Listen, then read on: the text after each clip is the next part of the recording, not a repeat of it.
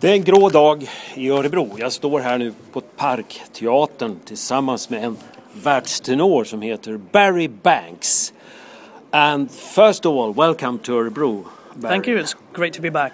It's great to be back, and now we are there. Wh- Why Örebro? What is it so Well, enticing about Örebro? I, I, well, of course, it's a beautiful town, but uh, it's my relationship with uh, Peter Flack and Richard Kenneth Yeah. and uh, and the, the orchestra, and they, for some bizarre reason, they quite like me, so uh, they keep, keep inviting me back. Yeah, yes, uh, I, yes, yes. You are a very likable chap. I Oh, thank think, you. Really, because you're so warm and and also a very good tenor, of course. Uh, but um, uh, this is the new New Year's Crock number two. Two, Yes. yes. How many times have you been to Örebro? Is it five This or is- six? No, this is about the seventh, The seventh, seventh. or uh, maybe Yes. eighth time. Yeah, because I did. Uh, the original was New Year's Krok, Yeah. which uh, I thought was going to end my career because uh, I didn't know what the heck Peter wanted me to do. Okay. Oh. Oh, this is okay. I'll just. Oh. Yes.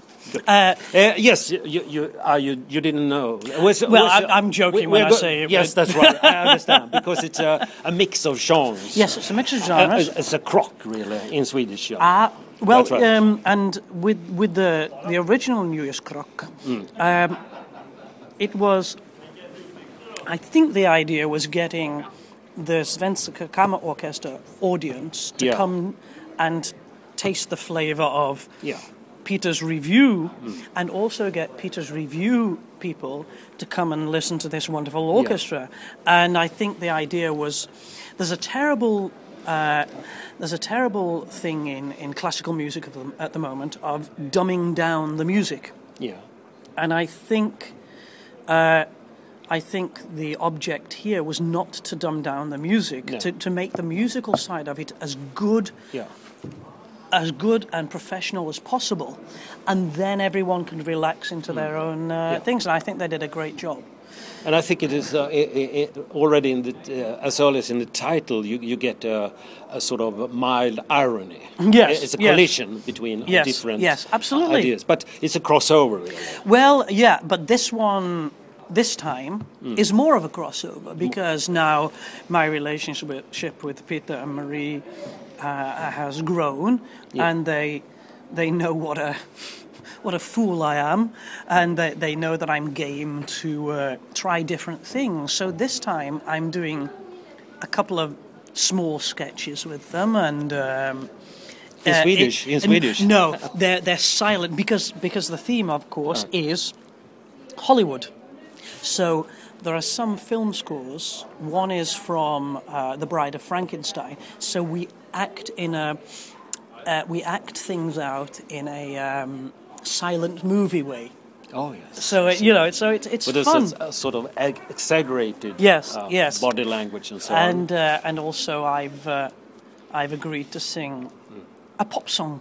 So that's uh, that's something very new for me, and I, I'm loving it. I'm really, Yeah. really loving it. It's it's fantastic. So that's the same as idea as Bocelli has. Uh, Yes, although Tested. it goes further than Bocelli because I actually sing it in a pop voice rather than a classical voice. oh yes. So Uh, so that's that's fun to, to try. Yeah. Uh, and the orchestra are wonderful.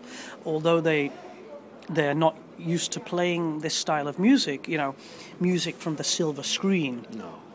The, the wonderful 30s and 40s and Yeah. 50s music. Yeah. They they do it brilliantly.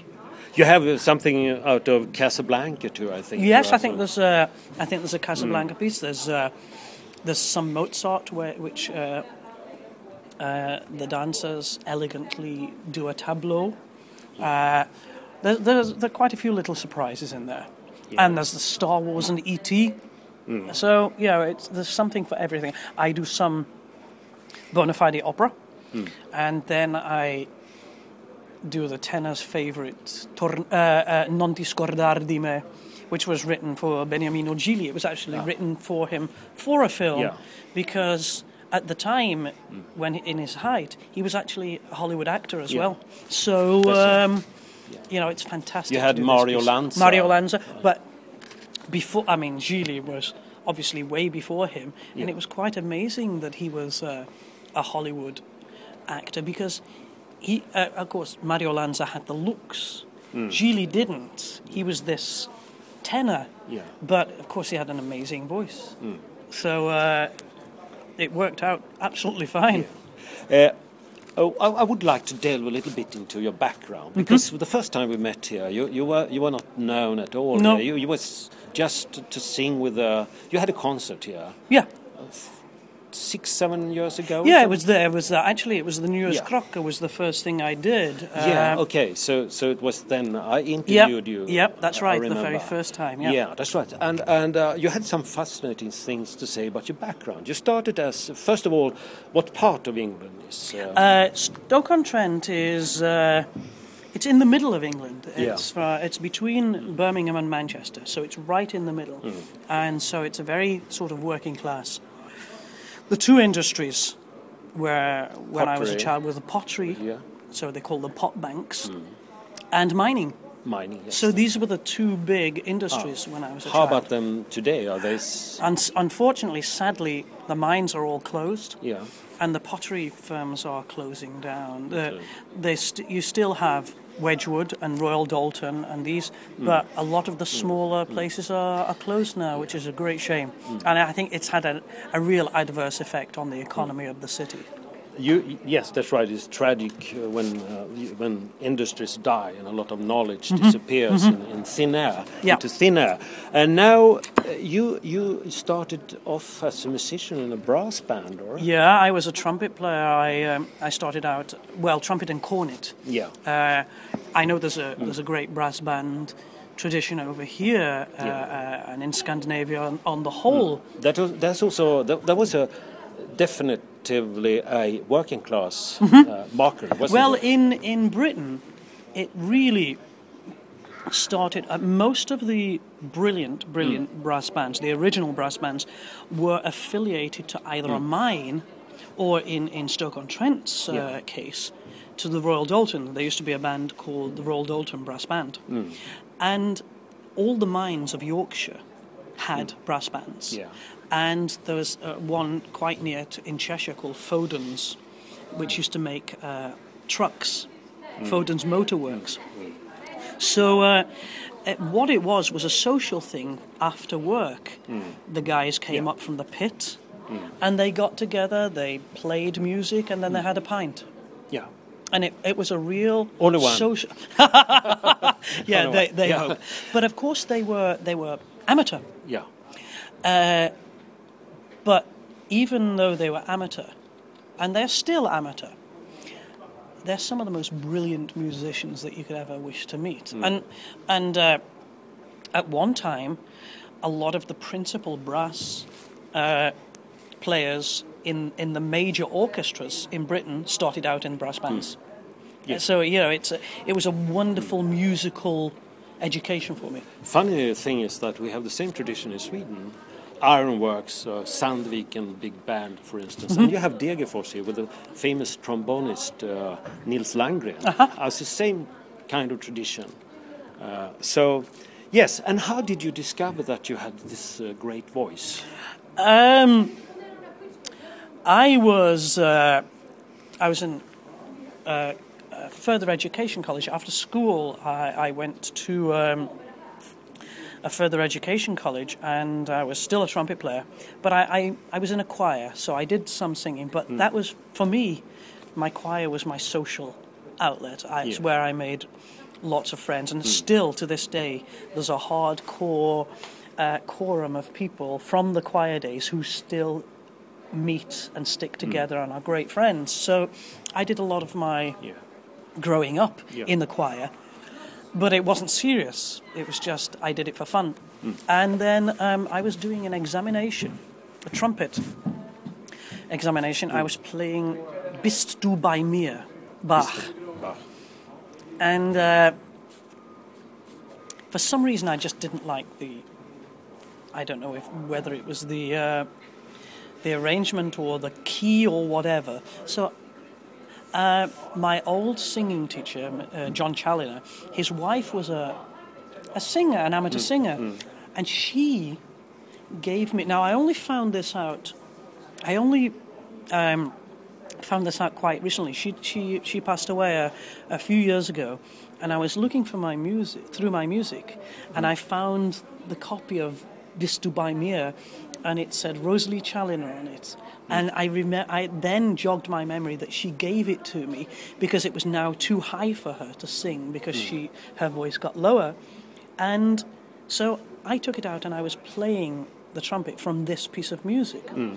and uh, teacher came in and said, "Do you sing?" I said, "Well, I'm in, I'm in a choir, but hmm. that's it," and she made me sing it, and it was either that bad or something, but she, she burst out crying. And then she taught me, she gave me singing lessons for three months. And uh, I then went to the Royal Northern College of Music to do an audition, thinking I was going to do first study trumpet and second study uh, uh, voice. And when I turned up there, the, the, the, all, the, all the brass auditions were finished. Yeah. So, I did my voice audition, yeah. and I got in. Uh, they, they offered me a place as um, f- uh, first study voice. Now I'd got into the Birmingham School of Music. Uh, I got offered a place there as print, as first study trumpet and second study um, s- singing, singing. and and also in Huddersfield. I got there first again first study, um, but I, I had a talk with my trumpet teacher, and I knew I was too lazy. I had a nice tone, I had a good tone, but I was just too lazy. And he said, What, what does that mean? Didn't you practice? I didn't practice. I, I, I practiced. I could read. I was a very good reader. I could play most things, but I didn't practice uh, transposition enough. I didn't practice my technical exercises hmm. enough. Transposition, what's that? Is this to It's when it, no, it's when uh, um, orchestral scores hmm. are written are written out in, in particular keys, Yes. but sometimes it will be for a trumpet in B flat. It'll sometimes be written for a trumpet in C or hmm. a trumpet in D. And rather than keep swapping instruments, you have to have the ability so that uh, when you play a do, when a, when a trumpet plays a do, if it's a B flat trumpet, it's a B flat, not a C. So that you have to you have to um, you have to play different notes to get Yeah. the same key that the uh, the orchestra Okay, playing. I understand. So you have to Right. adapt. You to, have to to adapt. the mu- musical and framework. I just, so- I just didn't. I was just too No. lazy. But- um, and then and, you- and and he told me, "Look, you're good, but you just don't have that Extra. one percent extra that makes Hmm. you be a." That's going to make uh, uh, let you be a professional, Hmm. and I knew it in my heart. Um, and it was a great wrench for me because trumpet and cornet wa- was my great love and still is. I, I, Hmm. So- I have a na- I, I, I have a lovely uh, uh, Vincent Bach Stradivarius trumpet that I get out you, of the you, you, box. you have I- not. Uh, I've not forsaken. No, no, you're no, not forsaken. No, them, I've no. not forsaken it. So every every so often I get it out of the box and I But I, I love but it. But perhaps you, at the final uh, this conclusion, you you are the luckier for it because you I'm very lucky because it's it's it made me uh, just out of out of sheer luck and being in the right place at the right time. It gave me a career. yeah. And So so now you you where do you come from now? The closest engagement. uh, well, I, I I live in New York now. You live in yeah, New York. Yes. I, I lived in the Highlands in Scotland for uh, well nearly se- well I lived in Scotland for nearly seventeen years, Hmm. and uh, I now live in, in New York yeah. because I I needed somewhere I needed some a change, somewhere to live. Uh, my my wife and I split up, uh, so I went on the road for three years. Actually, all my contracts. I've always been very lucky. I've I've actually in 25 years. I've never been out of work, and so I'm very, very lucky in that respect. And also, that's also a receipt of skill, isn't it? Well, That's for others to. Uh, yes, I understand that, but uh, I can. But, um, so, so you have toured the world with certain, and, and Mm-hmm. I, I read your uh, some of your reviewers here. They talk about a fiery elegance and uh, wonderful ease and so on. Uh, and uh, there are three names that pop up here: Bettini, eh, Donizetti, Rossini. Yes. Uh, so Bellini, yeah, Bellini, Donizetti, Rossini. I have become every. Not every singer can sing everything, No. or there is no singer that can sing everything. So basically, um, you specialize in a. So there, there will be Wagner singers who Yeah. just sing Wagner and Janacek and such. There will be Puccini and Verdi singers mm. and Mozart singers. Mm. And I fall, although I hate to be categorized, I don't like being categorized, but my speciality, something that I, I've become known in over the years, is what they call bel canto opera. yeah, Which is Donizetti, Bellini, Beautiful Rossini. singing. Beautiful singing, yes. Yeah. And what it requires is for you to have a rock solid technique Hmm. so that you can paint the words, so that you can. It's not a case of reading the notes and being Hmm. absolutely metronomic and just, just doing what's on the paper. You have to interpret. And the thing about bel canto is it allows you to, and, and the bel canto technique, Mm. it allows you to interpret and make something yours. Because you don't want to be, you don't want to do things the same as everybody else. Is it, is it is it a more personal form of expression in It bel is. canto? It is very much, and it also de- it, it also depends on how good or bad your technique is. Yeah. You can want to do something, but if you don't have the technique to do it, you're not going to be able to do it. So uh, I, I, and it, it's also a, a, it's a, it's a very disciplined discipline. Yeah. A very Uh, disciplined yeah. discipline. That's- that's that sounds good. an odd that's an odd phrase, but Yeah. that's all I can sort of a disciplined discipline. Oh, yes. Yeah, it's um, Excellent. you but then it, it's it's all to do with heart and soul Oh, yes. Because it's Italian, uh, uh, mostly Italian, um, and so you have to. You then. It's a strange one. I don't know when it's. It happened suddenly, when I stopped being a young up and coming to the bel canto expert, A- and I don't. I can't remember the in between. It So- just It's, was it it sort just of happened. a sort of transcension or Yes, yes, was- it's you it, just transcended into a bel canto singer? and it, it's sort you you sort of get it by osmosis. Yeah. Uh, you watch great. You either watch great Yeah. singers or work with great singers, and you work in the style for long enough, Hmm. and then all of a sudden, it, you, you it comes into your skin, and Hmm. you, you you you take it in by osmosis, and uh, it, it, it then becomes second nature. You don't have to think about it. so it's just okay. I Yeah, and, and uh, it's uh, so that when when I learn a new bel canto opera, Ah. I don't have to learn the style. I just have to learn the new opera the new opera. because the style will be there. Okay. So uh, uh, there is another thing too from your part of the word Stoke-on-Trent. There's another famous banks too. Uh, oh, Gordon Banks, of course. Yes, the the goalkeeper. Yeah.